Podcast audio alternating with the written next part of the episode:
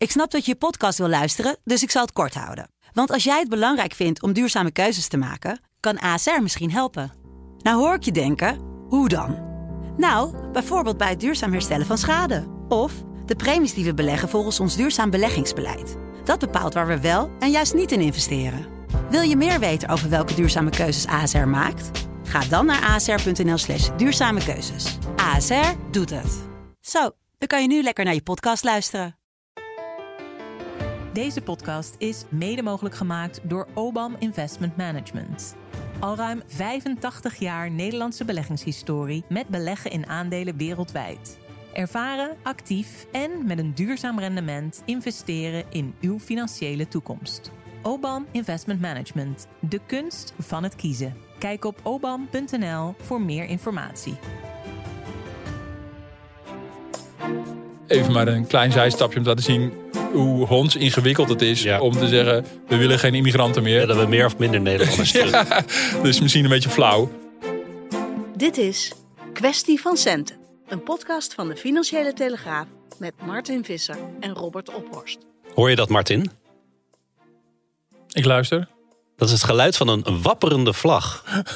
Die komt namelijk uit, hè? want eh, de technische recessie is voorbij. Oh, zo. Ja, ja. Ja. de vlag kan uit. Ja. Onze economie is het vierde kwartaal Ja. van afgelopen jaar gegroeid met 0,3 procent. En dat is vooral te danken aan consumenten. ja, ik heb heel hard mijn eh, best gedaan. Nou, ik wou zeggen, met welke aankoop heb jij bijgedragen aan het uit het slop trekken van onze economie?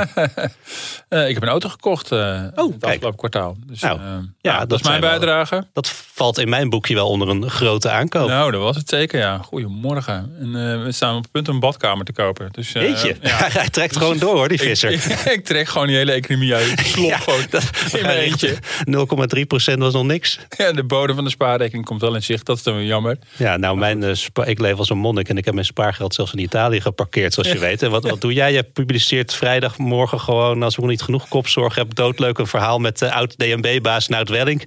Die waarschuwt voor de risico's van het lossere Europese begrotingsbeleid. Een herhaling, een herhaling van de eurocrisis, eh, eurocrisis dreigt, zei Welling.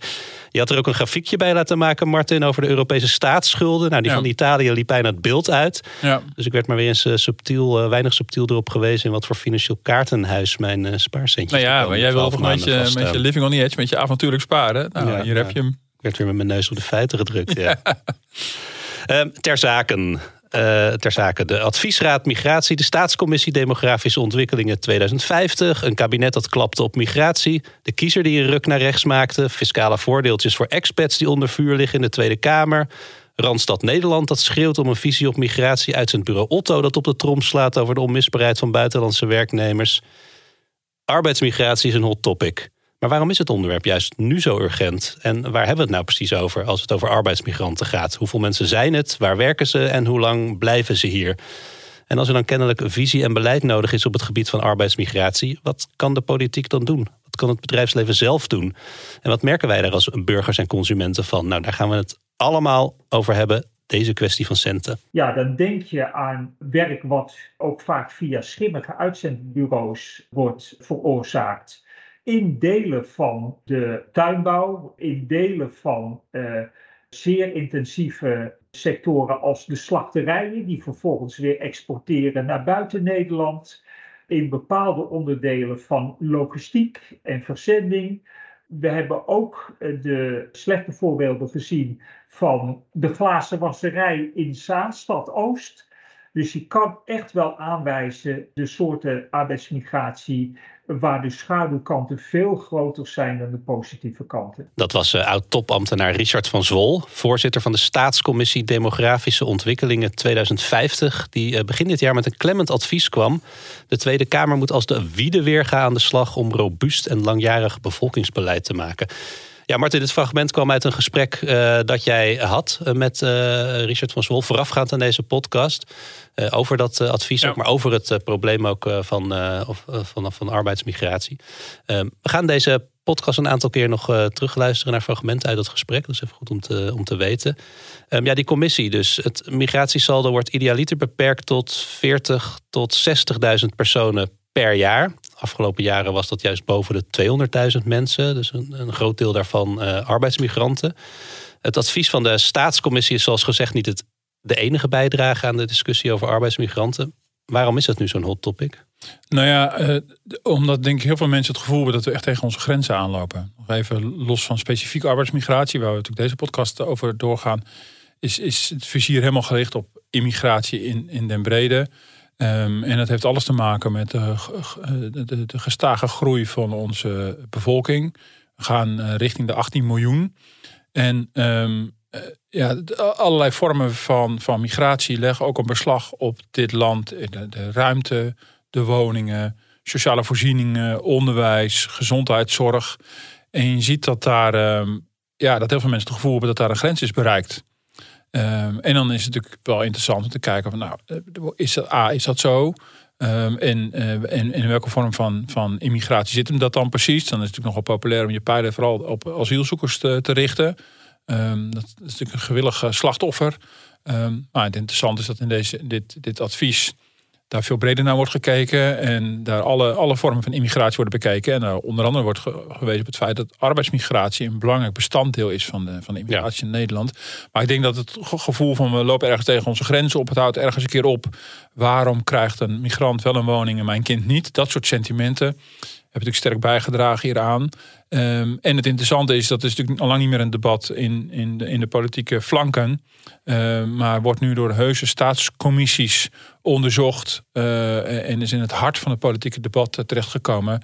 En denk ik met reden. Want nou ja, goed, wat Van Zwol uh, ook aangeeft. Er is gewoon wel echt goed reden om voor de, voor de middellange en lange termijn goed na te denken over ja, hoe wil je verder omgaan met de groei van, van je bevolking? En is dat inderdaad begrensd? Of moet je, da, moet je daar een rem op zetten op een of andere manier? Ja, maar dat zijn wel vragen en problemen die natuurlijk al langer speelden. Waarom is dat dan nu allemaal zo, uh, zo urgent? Nou, ik denk dat de, de woningtekorten daar een belangrijke rol, uh, uh, een belangrijke bijdrage aan hebben hebben gespeeld. Uh, dat uh, de problemen in Ter Apel, daarmee werd het ook heel zichtbaar. Maar ik denk dat echt de woningen echt wel een, een, belangrijk bestanddeel zijn. Kijk, van, er zijn ook wel perioden in, in, de geschiedenis, in de recente geschiedenis geweest dat het ook, dat het ook de arbeidsmarkt een rol speelde. Ik denk dat dat wat minder het geval is. Ik bedoel, het is niet zo dat we nu het gevoel hebben dat dat de buitenlanders onder zijn banen inpikken, om het maar even heel populistisch te zeggen. Want de werkloosheid in Nederland is echt heel erg laag, historisch gezien heel laag. Dus dat, dat is het niet. Er is eerder een roep vanuit werkgevers om meer arbeidsmigranten, omdat anders al het werk niet gedaan krijgen. Dus het is precies die spanning die we nu voluit voelen van ja, we zijn begrensd in, in de ruimte, in de woningen, in, in, uh, in het überhaupt kunnen opvangen van al die, deze mensen. Maar tegelijkertijd lijkt het alsof we ze economisch gezien nodiger hebben dan ooit.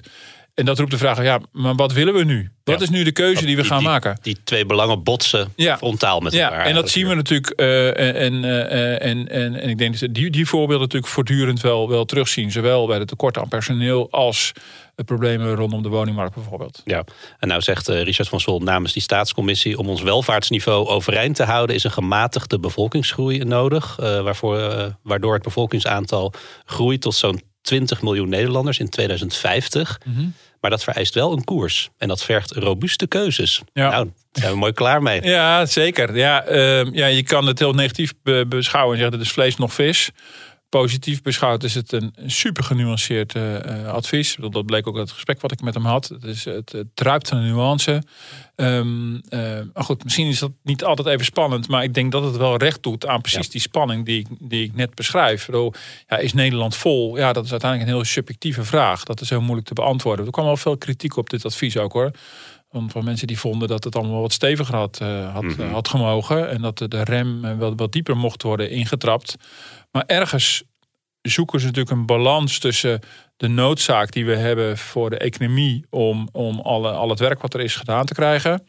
En daar kan je natuurlijk over eh, debatteren van, uh, is dat door de grenzen zomaar ongebreideld open te zetten of moet je daar een keuze gaan maken? Nou, daar gaan we over, over doorpraten.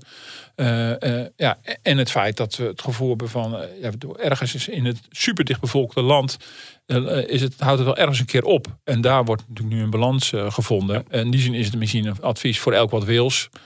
Uh, maar ik denk wel dat heel goed in kaart is gebracht. Nou, dit, dit, is het dilemma, dit zijn de keuzes. En uiteindelijk is het natuurlijk aan de politiek om die keuzes te maken. Het was een breed samengestelde commissie. Overigens, Richard van Zol ze, uh, zit nu in de Raad van State al een tijdje. Is lange tijd topambtenaar geweest. Rechterhand van Rutte. Bij algemene zaken op het gebied van financiën en economie. Uh, dus in, in, in de inner circle van Den Haag wel een gezien man.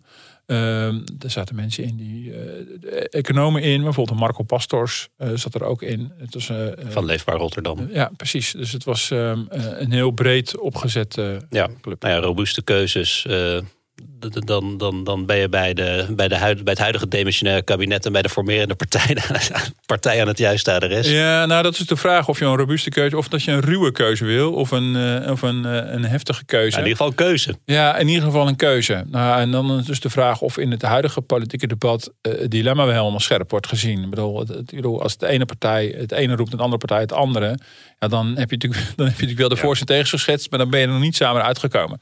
Dus in die zin wordt natuurlijk steeds gezegd dat dat los van alle beslommeringen rondom de vorm van een nieuw kabinet, deze vier partijen het over, over immigratie wel makkelijk eens zouden moeten worden. maar het is eigenlijk helemaal niet zo'n makkelijk onderwerp. Dat, is, uh, dat werd met dit advies nog maar weer eens, uh, nog maar weer eens duidelijk. En als de PVV vooral de pijlen richt op asiel. Uh, en BBB in omzicht zeggen we willen de hele, het hele spectrum bekijken. VVD doet heel graag stoer hierover. Maar je hebt het dus inderdaad over alles. Je hebt het ook over buitenlandse studenten. Je hebt het ook over gezinsmigratie. Waarvan wij altijd denken van, oh ja, dat zijn dus de, de, de nareizende gezinsleden van die, uh, van die minderjarige of net meerderjarige jonge uh, asielzoeker die, die alvast vooruit is gestuurd. Maar ja, gezinsmigratie, dat kan ook gewoon gaan over arbeidsmigranten die we heel graag willen hebben. Dus het is een, echt een veelkoppig monster waar een robuuste keuze nodig is. En dat is niet hetzelfde als een hele makkelijke nee. keuze. Nou, over wat voor soort keuzes je dan kan maken en, en, wat voor soort knoppen je dan kan draaien om hier uh, invloed op uit te oefenen. Daar gaan we het zo verder over hebben. Maar laten we eerst even nader inzoomen over wie we het nou precies hebben. Hoeveel mensen gaat het, waar werken ze ja. en hoe lang blijven ze hier? Als de werkgever ook moet zorgen voor goede huisvesting en voor goede betaling, dan gaat het alleen om economische activiteiten die rendabel zijn en die niet in feite worden gesubsidieerd door te goedkope arbeid met te lage arbeidsomstandigheden. Dus dat gaat op een indirecte manier wel degelijk beïnvloeden. We hebben er wel bij aangetekend dat als je in de komende jaren praat in de Europese Unie over een verdere uitbreiding, dat je dan wel degelijk ook mag praten over de uh, uh, mate en vormgeving van het vrij verkeer van personen. Daar hoef je niet over je mond te houden. Ja, toch even, Martin, want als je ook, ook zo Richard van Zwol hoort met die, van die staatscommissie en eerder ook de adviesraad migratie die de problemen in kaart heeft gebracht. Het kan toch niet zo, zo zijn dat we zijn overvallen door de negatieve kanten hiervan. Nee. Die, zijn toch, die zijn het resultaat van Europese afspraken, van de politiek die heeft ingestemd met fiscale regelingen. Maar ook van werkgevers die bewust mensen hierheen halen om werk te doen dat uh, we kennelijk nodig achten. En waarvoor Nederlanders die hier al woonden uh, kennelijk niet in de rij staan. Ja. Arbeidsmigratie is ons toch niet overkomen? Nee, zeker niet. En dat is voor een deel uh, hebben we dit bewust zo gewild. Voor een deel uh, was het een onherroepelijk gevolg van uh, de uitbreiding van de Europese Unie. waar overigens ook niet iedereen even enthousiast over was in de politiek. Maar dat had wel een gevolg. Ik bedoel, op een gegeven moment is, zijn, zijn landen als Polen, Roemenië en nog een hele batterij uh, Baltische landen en Oost-Europese landen toegetreden. In 2004 dat de Europese Unie daarmee is in één klap de Unie gigantisch uitgebreid. En het heeft jaren politieke discussie gevergd over de vraag: ja, hebben de mensen uit die landen ogenblikkelijk recht op vrij verkeer van personen?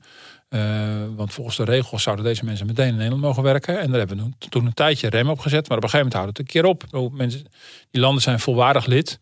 Dus met het toetreden van deze hele serie landen uh, is ook het arbeidspotentieel in Europa enorm toegenomen. En je, je wist ook, ja, je koppelt wat achterblijvende economieën aan, aan sterke economieën. En dan weet je dat je een stroom arbeidsmigratie gaat krijgen. Dat is dus ook gebeurd.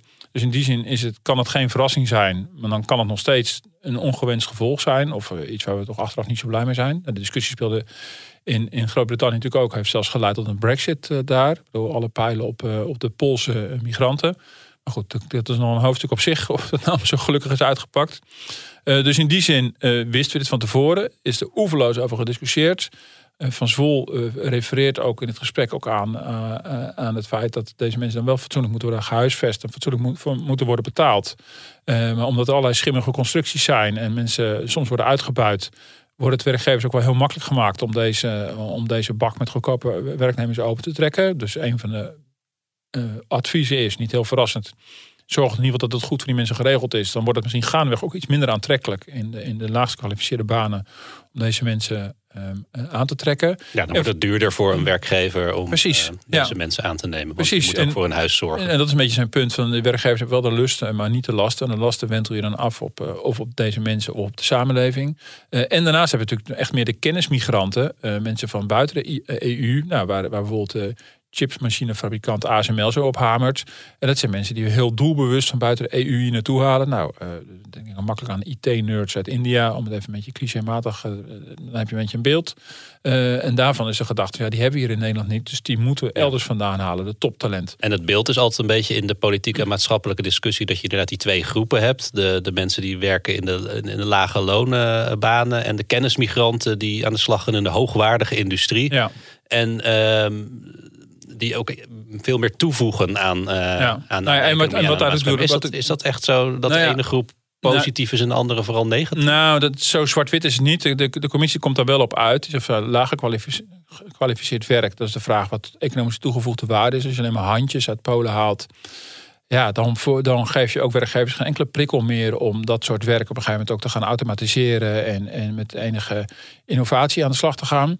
Dus het is niet heel gek om daarna te kijken wat voegt uh, iemand toe. Is, uh, de, de gedachte is toch dat een, een, een, goed opgeleide kennismigrant uit, uit India uiteindelijk economische toegevoegde waarde biedt. Ik bedoel, ze verdringen misschien wel onze huizenkopers op de woningmarkt, om wat te noemen. maar tegelijkertijd leveren ze gewoon zoveel bijdrage aan onze economie dat het per saldo positief zou zijn. Ja, of je knip precies kan leggen bij kennismigrant versus arbeidsmigrant uit Polen, dat is natuurlijk een beetje te zwart-wit. Maar wat hier ook nog doorheen loopt, wat het ingewikkeld maakt, is dat um, we hebben het natuurlijk vaak over de migratie in brede. En dan loopt ook de hele asielzoekerdiscussie natuurlijk ook nog eens een keer doorheen. Um, en als je het vraagt, ja, dit wisten toch allemaal al, het is ons niet overkomen. En daarvan hebben we natuurlijk wel het gevoel van die asielstroom overkomt ons maar als we dat geen halt, halt toeroepen. En daarom is het ook heel makkelijk om in ieder geval de discussie vooral daarop te richten. Um, terwijl je daar natuurlijk weer in allerlei internationale ja. afspraken zo vastzit. Maar even nog voor het beeld van het totaal. Uh, ik heb even gekeken naar de cijfers ook. Uh, 2022 was een beetje een raar jaar door de enorme stroom aan Oekraïners. Um, voor dat jaar heb ik ook niet helemaal compleet beeld voor EU-migranten. Als je naar 2021 kijkt, dan kwamen dus alleen maar de instroom, dus niet het aantal mensen dat hier nog zit. Maar de instroom was ruim 250.000 uh, migranten. Um, en daarvan is, uh, is nou, ruim een vijf, tussen, tussen een kwart en een vijfde, is een arbeidsmigrant. Zowel EU als, als niet-EU. En asielzoekers is daarvan 8,5 procent. Uh, dus het asieldeel is echt heel klein. Alleen ja, de grootste stroom is dus die gezinsmigranten. Die zijn bijna een kwart. En die zijn dus verdeeld over arbeidsmigranten en asielzoekers. Um, maar het, het, idee dat we vooral nog asielzoekersproblemen hebben, is dus echt maar een hele beperkte blik. En daarom zegt de commissie ook kijkt naar, naar het hele brede verhaal. Studenten bijvoorbeeld, uh, die, die groep studenten is al twee keer zo groot als de, de groep asielzoekers. Alleen van studenten weet je, ja, die gaan hier na hun studie of aan het werk, of ze gaan weer weg.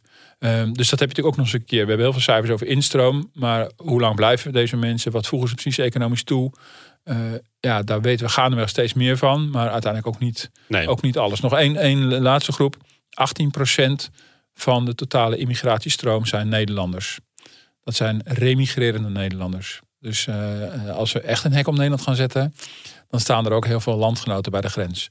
Uh, even maar een klein zijstapje om te laten zien hoe honds ingewikkeld het is ja. om te zeggen: we willen geen immigranten meer. Dat we meer of minder Nederlanders ja, dus misschien een beetje flauw. Maar die zitten ook allemaal in die cijfers. Hoe lang blijven deze mensen? Is, dat, is daar ook een verschil tussen de mensen die aan de slag gaan in lage lonenbanen en de, de kennismigranten? Nou ja, dat, ik, dat, dat, niet helemaal toevallig, maar uh, afgelopen week is er een artikel uh, in ESB gepubliceerd van een vriend van mij die overigens onlangs is overleden, die tot op het laatst met hiermee bezig is geweest om daar een beginnetje van te maken. Er is helemaal die data ingedoken. Um, ik kon daar niet een heel hele duidelijke zwart-wit conclusie uittrekken, maar wel dat er enorme verschillen zijn. Die, die heeft het ook benaderd met de gedachte van ja, we kunnen wel oeverloos naar die instroom blijven kijken, maar het gaat ook, ook om de uitstroom en welke mensen blijven nou hangen. Nou, het beeld is in ieder geval dat sowieso arbeidsmigranten doorgaans hier tijdelijk zijn en dat kan ook al een aantal jaren zijn. En dat natuurlijk met name de asiel, en dat is niet helemaal onlogisch. Mensen asiel die uiteindelijk een status krijgen, dat die met name natuurlijk heel lang blijven. En dat daar in bepaalde bevolkingsgroepen daarvan meer een, uh, soms een echt klein percentage ook echt aan het werk gaat. Nou, daar zou je aan kunnen kijken. Moet je asielzoekers zo lang buiten het arbeidsproces houden? Of zou je daar wat soepeler in moeten zijn? Maar goed, een aarde hier alweer. Dan kun je ze niet meer terugsturen. Nou, dan krijg je dat soort discussies. Um, uh, en wat je ziet is dat die hoogwaardige kennismigranten, als die hier helemaal, helemaal aarden, kunnen die ook wel lang blijven hangen. En dan hebben ze een langdurige toegevoegde waarde. En heel veel meer Oost-Europese arbeidsmigranten, uh, die komen meer, meer op en af. Dat is een beetje het globale beeld. Maar ja, dat verschilt ook wel, dat kan ook wel heel erg verschillen. Um, dus dat is niet meteen voor iedereen precies zo. Maar dat is heel grofmazig is dat beeld. Ja, nou ja, eh, ASML, dat, dat barst eigenlijk ook uit zijn voegen. Hè? Dat, dat groeit bijna uit zijn jasje, moet, moet verdubbelen geloof ik de komende jaren. Um, in het Westland is er heel veel uh, kritiek op uh, de, de mensen die daar in de kassen werken. Terwijl dat ook een hele grote, belangrijke sector is voor mm. die regio en ook voor Nederland. Um, Frank van Gol van uitzendbureau Otto zegt ook: van, ja, deze buitenlandse werknemers zijn ook gewoon onmisbaar. Er zouden lege schappen zijn in de supermarkt uh, zonder deze mensen. Je zou langer op je pakje moeten wachten. Ja. Is het ook zo dat wij inderdaad uh, deze. Dat we gewoon deze banen heel belangrijk vinden en daarom die mensen halen? Of halen we die mensen omdat het gewoon zo makkelijk is geworden om dit soort banen hier um, in te richten? Nou, ik denk dat laatste. Ik denk dat heel veel, um, uh, heel veel werk waar je niet per se een heel hoog opleidingsniveau voor nodig hebt, het wel heel gemakkelijk is om, om het oneerbiedig te zeggen, een blik polen open te trekken. Dat klinkt een beetje on, onaardig. Uh, en dat is ook een beetje het werk van deze meneer Van Gol. Dat is natuurlijk zijn business. Um, uh, ja, en als je dan ook nog eens een keer allerlei eh, misstanden hebt rondom huisvesting en dergelijke en, betaling, ehm, dan maak je het nog een beetje makkelijker. Er wordt al sinds de commissie Roemer, voormalig SP-leider, ook enorm op gewezen van begin op zijn minst met de handhaven van, van de fatsoenlijke arbeidsvoorwaarden, fatsoenlijke huisvesting en in ieder geval dat, dat van die misstanden afkomen. Maar het is, natuurlijk, het is natuurlijk zeker zo, heel klassiek is het zo dat vakbonden graag, de vakbonden doorgaans tegen arbeidsmigranten zijn en werkgevers voor om maar even te generaliseren. Juist omdat je natuurlijk weet, als de grens open staat voor arbeidsmigranten, van welk opleidingsniveau dat dan ook is, maar zeker van laag, laag opleidingsniveaus, ja, dan, dan is het voor werkgevers natuurlijk heel makkelijk, want het houdt de lonen onder druk, van, ook van de Nederlandse werknemers. Um, uh, je hoeft niet de, uh, voor heel veel geld te gaan zitten investeren in, in allerlei machines en robots uh, die het werk anders zouden kunnen overnemen. Um, ja, dus je hebt een stukje lage looneconomie gewoon in, in je land. En de grote vraag die wordt opgeworpen nu ook in dit advies is, ja, als je vindt dat Nederland uit zijn voegen barst, wat betreft het aantal mensen dan moet je dus ook afvragen wat voor economie willen we dan precies zijn. Hoe vinden we dat er nog plaats is in Nederland voor relatief laagwaardige arbeid? Of hebben ze iets, ja, wat, wat valt daarmee te winnen? want ik denk dat namelijk iets te simpeler is om te zeggen: van als we deze mensen niet meer willen, zijn de schappen leeg. Want dan vinden we weer andere manieren om die schappen gevuld te krijgen. Maar het is natuurlijk wel een legitieme vraag. Klaas Knot, eh, president Nederlandse Bank, die nam dat advies ook over. En die zei bij Buitenhof, eh, vertaalde hij dat meteen heel stellig. Van ja, deze mensen, die laagbetaalde arbeidsmigranten, die werken in de kassen. Die werken bij de slachterijen en bij de distributiecentra. Nou, dat willen we dus niet meer. Ja, dat is natuurlijk ja, dat, ja, dat, dat, dat, dat schiet natuurlijk niet op. Want bedoel, weet je, je wilt natuurlijk wel je pakjes bezorgd krijgen. Dus, dus het, en, en, en, bedoel, en, moet, en die slachterijen, dat, is natuurlijk, dat snap ik ook alweer, die leveren voor een groot deel weer aan het buitenland. Dus je hebt heel laagwaardig werk in Nederland met relatief weinig economisch toegevoegde waarde. En de vraag is wie profiteert daar precies economisch van? Dus dat je hier op den duur naar een ander model toe wil groeien, dat vind ik een iets beter antwoord. Dat zou ik voor een president van de Nederlandse Bank ook logischer vinden om het iets genuanceerder te brengen. Maar het is wel duidelijk van wat voor type keuze we voor staan. En, en het wordt wel werkgevers wel heel gemakkelijk gemaakt om het allemaal maar in de lucht te houden. Toch als je dan uh, leest en hoort over bijvoorbeeld fiscale regelingen die expats hier genieten, dan, dan denk ik ook van ja, dat, dat is ook niet helemaal eerlijk. Dat is wel heel riant. Maar als daar dan in de. Dat was onlangs ook in de Tweede Kamer uh, over gedebatteerd. Uh, niet helemaal uitgekomen daar iets aan te doen. Want dan staat zo'n ASML ook meteen op zijn achterste benen. En die zegt dan van ja, dan, dan gaan we wel naar het buitenland. Dat willen we kennelijk ook weer niet. Nee, nee, maar toch is de vraag wel legitiem van hoeveel moeten wij als belastingbetalers met z'n allen meebetalen aan de riante salarissen van die expats. Bedoel, uh, op dit moment was het natuurlijk zo dat, uh, dat, uh, dat 30% van die salaris niet belast werd. Dat was dan een beetje een manier als een soort tegemoetkoming voor het feit dat het nogal duur was om hier naartoe te verhuizen en, en dergelijke. Maar de facto betekent dat gewoon om die mensen hier naartoe te lokken, betaalt gewoon de Belastingdienst mee. En dat zijn wij met z'n allen. Uh, dat kan natuurlijk allemaal best een tandje minder. Want het bleek uit de internationale vergelijking dat Nederland het helemaal niet zo slecht doet wat dat betreft. En dan zou je zeggen, ja, als deze mensen dan zo gewend, gewild zijn, ja, dan moet die werkgevers dat ook maar zelf betalen. Bedoel, dat zijn dus mensen met evident grote economische toegevoegde waarde. En natuurlijk moet je, uh, is er ook een reden om als economie te kijken van hoe zorgen we dat deze mensen blijven lokken.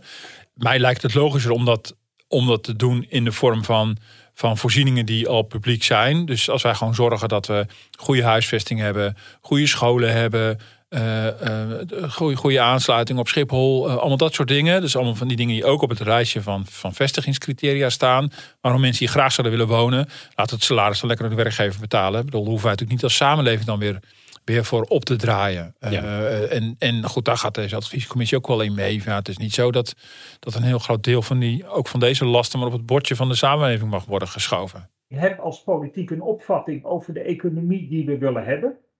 En twee, terecht punt, wij zeggen dat je arbeidsmigratie beïnvloedt je niet alleen door te verbieden of door wetgeving, maar ook om het zo in te richten dat inderdaad werkgevers die gebruik maken van arbeidsmigratie een groter deel van de lasten dan ook wel zelf dragen en ook een deel van de lasten dragen die nu op zeg maar, de, de belastingbetaler worden afgewendeld. Dus een belangrijke manier van sturen is inderdaad de werkgevers niet alleen de winst laten opstrijken, maar ook de lasten meer laten dragen. En dan krijg je ook een betere economische afweging of arbeidsmigratie per saldo nou echt economisch rendabel is. Terugkijkend kun je constateren dat ondernemers de vraag naar arbeidsmigranten bepalen, niet de politiek. Dat zei eh, Monique Kremer van de Adviesraad Migratie. Eh, ook, ook zo'n orgaan wat zich hiermee bezig heeft gehouden onlangs. Ehm, Den Haag was de afgelopen jaren vooral bezig met het toestroom van asielzoekers, uh, zei zij. En intussen staat de deur voor werkmigranten wagenwijd open. Um, ja, Martin, ehm, dat komt een beetje terug op de vraag van ja, wie bepaalt nou eigenlijk uh, wie hier komen en in, in welke aantallen. Maar ja, je noemde net al een aantal dingen die je zou kunnen doen. Uh, bijvoorbeeld dus werkgevers uh, meer verplichten om meer bij te dragen aan, aan de kosten van, van, van mensen die hier komen werken. Mhm. Wat voor knoppen zijn er nog meer? Nou ja, kijk, het bedoel, eh, asiel ligt natuurlijk voor de hand om daar ook naar te kijken. Um, we constateren al dat het uiteindelijk maar een relatief klein deel is. Al, al fluctueert dat natuurlijk wel heel hard en, en houdt het de gemoederen al snel bezez. En verder op het gebied van de arbeidsmigratie uh, is een substantieel deel komt natuurlijk van binnen de EU. En dan heb je die vrij verkeer van personen. Um, er is natuurlijk op een gegeven moment ook al een stap gemaakt dat, dat, dat, in principe iedereen gelijk betaald moet worden in, in dit land. Dus, um, dus die regel is er al. Uh, um, maar goed, het is relatief laag gekwalificeerd uh, werk, dus het zit wel onder in die loonschalen. Maar ja, in ieder geval de loon omhoog. Maar in ieder geval de, de loonafspraken, de CCO-afspraken, die geldt ook voor deze mensen. En dan moet je natuurlijk handhaven dat dat allemaal wel gebeurt. Dus dat is in ieder geval al stap 1. Um, uh, ja, en verder is het natuurlijk wel heel erg moeilijk om mensen van binnen de EU hier te weren. Dat gaat niet zomaar. Want je kunt wel, uh, en dat zegt ook Van Zwol uh, wel duidelijk, je kan wel, als er weer een discussie is over toetreding van nieuwe landen, en die discussie is er, natuurlijk daar wel ook met deze bril naar kijken. Um, ja, dat Polen en dergelijke er al bij horen al een heel aantal jaar. Dat is, ja, dat, die, die, dat is nu eenmaal gebeurd. Um, dus daar kan je niet zo veel meer, uh, veel meer aan doen. Maar dat deel van arbeidsmigratie kan je niet heel actief gaan zitten weren. Behalve in ieder geval duidelijk handhaven. En op een ander vlak, we hadden onlangs een indringend verhaal van uh, collega Connie de Jonge over uh, allerlei niet-Europese vrachtwagenchauffeurs die via bijvoorbeeld uh, uh, Baltische landen aan een vergunning komen en hier zich niet aan de regels houden, in ieder geval hun opdrachtgevers niet. En die mensen die werken ook allemaal onder tarief. En dan heb je dus weet ik veel, de mensen uit Kazachstan, dat soort landen. Ehm, ja, dat moet je natuurlijk allemaal meteen, eigenlijk meteen de kop indrukken. Ja, maar je ziet die, die, die over treden eigenlijk al regels die er zijn en wetten. Alleen ja. er wordt niet streng genoeg op Nee, dus dan, dan, zijn er dus ook via, via andere EU-landen zijn er dus gewoon loopholes... waarmee dit soort mensen natuurlijk wel aan een vergunning kunnen komen... in, in een Estland bijvoorbeeld. En vervolgens kunnen ze hier op onze wegen gaan rijden... En als je al, en als je die, nou, ik vind dat dan een loophole. Denk, dan moet je dat nou willen? Uh, want omdat ze dus in dat land mogen rijden, mogen ze ook, ook in ons land rijden. Maar het minste wat je kan doen, is ze gewoon de, gewoon de normale Nederlandse en Europese regels handhaven over rijtijden en, en rusttijden, uh, beloning en dat soort dingen. Als we dat dus al niet doen, als we al niet die uitwassen bestrijden, ja, dan wordt het wel heel ingewikkeld. Ik weet, in, in de uitzendbranche is er een grote ergernis over het feit dat ook ook, ook de, de, de echte foute jongens in die, in die uitzendhoek, of het nou om arbeidsmigranten gaat of, of gewoon uitzendkrachten, ook niet worden aangepakt. Dus op het gebied van handhaving is er al een hele hoop te doen. En dan straal je voor mij ook veel minder uit dat het allemaal maar kan en mag hier in, in Nederland. En vervolgens rondom ja, de kennismigranten van buiten de EU, ja, dat is gewoon een, knop waar je vrij actief aan kan draaien via die fiscale voordelen. Maar ook, ook hoe in welke mate je ze wel of niet toelaat. Alleen die discussie is lastiger, omdat dit precies de mensen zijn die dus blijkbaar wel economische toegevoegde waarde hebben. En je deze mensen misschien wel zou willen. Dus het toont ook wel aan hoe best wel ingewikkeld het uh, allemaal is. Want er zijn gewoon allerlei mensen die gewoon allemaal al rechten hebben. Ja. Volgens het eh, Centraal Bureau voor de Statistiek kwamen er in de laatste drie maanden van vorig jaar uh, eh, 45.000 banen bij. Daarmee kwam het totale aantal banen op 11,6 miljoen. Ehm, ik ben helemaal totaal niet uh, voor consuminderen en degrowth. Dat staat op haaks op al mijn liberale principes. maar ja. ja. je zou kunnen zeggen, hebben we misschien niet te veel banen? Te veel banen. Ja, ja. nou ja, je kan ook denken: oké, we willen misschien wel die kassen behouden, want we willen allemaal tomaten eten en, en komkommer op ons, in onze salade. En we willen ook vlees, dus die slachterijen, eh, die, die, dieren moeten kennelijk wel geslacht worden. Uh, maar de arbeids, arbeidsproductiviteit is al eh, best wel lang uh, vrij laag. Je zou ook kunnen zeggen, we moeten misschien meer inzetten op innovatie, automatisering en robotisering. Dus hetzelfde werk met minder mensen doen, of zelfs wel hetzelfde meer werk kunnen doen met minder mensen. mensen. Ja. Nou, daar, is, dan, daar is natuurlijk de vraag van wat de overheid precies kan doen. Nou, en uiteindelijk komt het, zal dat toch van ondernemers moeten komen. De overheid kan dat misschien wel ondersteunen en, en, stimuleren. Um, maar ik denk dat je in ieder geval um, moet voorkomen dat je op onderdelen een soort lage lonenland bent. Daar kan je iets aan doen. Nou, het minimumloon wordt al flink opgetrokken. Dat, dat draagt er ook al aan bij. Gaat wel weer heel hard. Dat is dan weer de andere kant. Um, inzetten, vol inzetten op scholing. Met, met allerlei innovatiesubsidies. Goed kijken wat, wat subsidiëren we hier precies. Ik bedoel, subsidiëren we een, kant, bedoel, een deel van de economie waar we echt in door willen uh, of niet. Um, dus dat zijn wel manieren om, om dat een beetje bij te sturen. Maar uiteindelijk maakt de overheid natuurlijk niet onze economie. Die maakt op zijn beste randvoorwaarden. Um, ja, en, en ja, dit gaat uiteindelijk ook. De grote vraag hier bij die staatscommissie is natuurlijk uiteindelijk een soort bevolkingspolitiek. Ja, in welke mate heb je dat helemaal in de hand? Dat is natuurlijk best wel, uh, best wel lastig. Maar ik denk dat het in ieder geval wel begint met gewoon eerlijk te onderkennen dat dit een probleem is met heel veel facetten. En niet is op te lossen met een spreidingswet of ter apel laten overstromen. Uh, want dat is echt een heel klein, beperkt onderdeel van deze, van deze veel grotere problematiek. En verder is het ook, uh, uh, ja, door in, in de publieke voorzieningen heb je natuurlijk ook de vraag van wat kan er geautomatiseerd en gerobotiseerd worden als je weet dat je in de toekomst veel, veel mensen tekort gaat komen in de gezondheidszorg. Ja, dan zal daar ook heel veel slagen moeten worden gemaakt om op een manier efficiënter te worden. Bureaucratie eruit, misschien uh, in, in toen en mate toch ook uh, de toepassing van robotica. Dat gebeurt ook allemaal al. Maar de vraag is of dat snel genoeg gebeurt. Ja. En of dat in voldoende mate gebeurt om, om daar alle toekomstige tekorten op te vangen. En hoe wenselijk het is. Want dat mijn tomaat wordt geplukt door een robot is toch een minder beangstigend idee dan dat als ik uh, oud en behoeftig ben, ja, uh, zeker. Die, die, aardige verpleger wordt ingeruild voor een, uh, voor een stalen robot. Zeker, zeker. Nou, dan maken we voor jou een zachte robot in plaats van een stalen.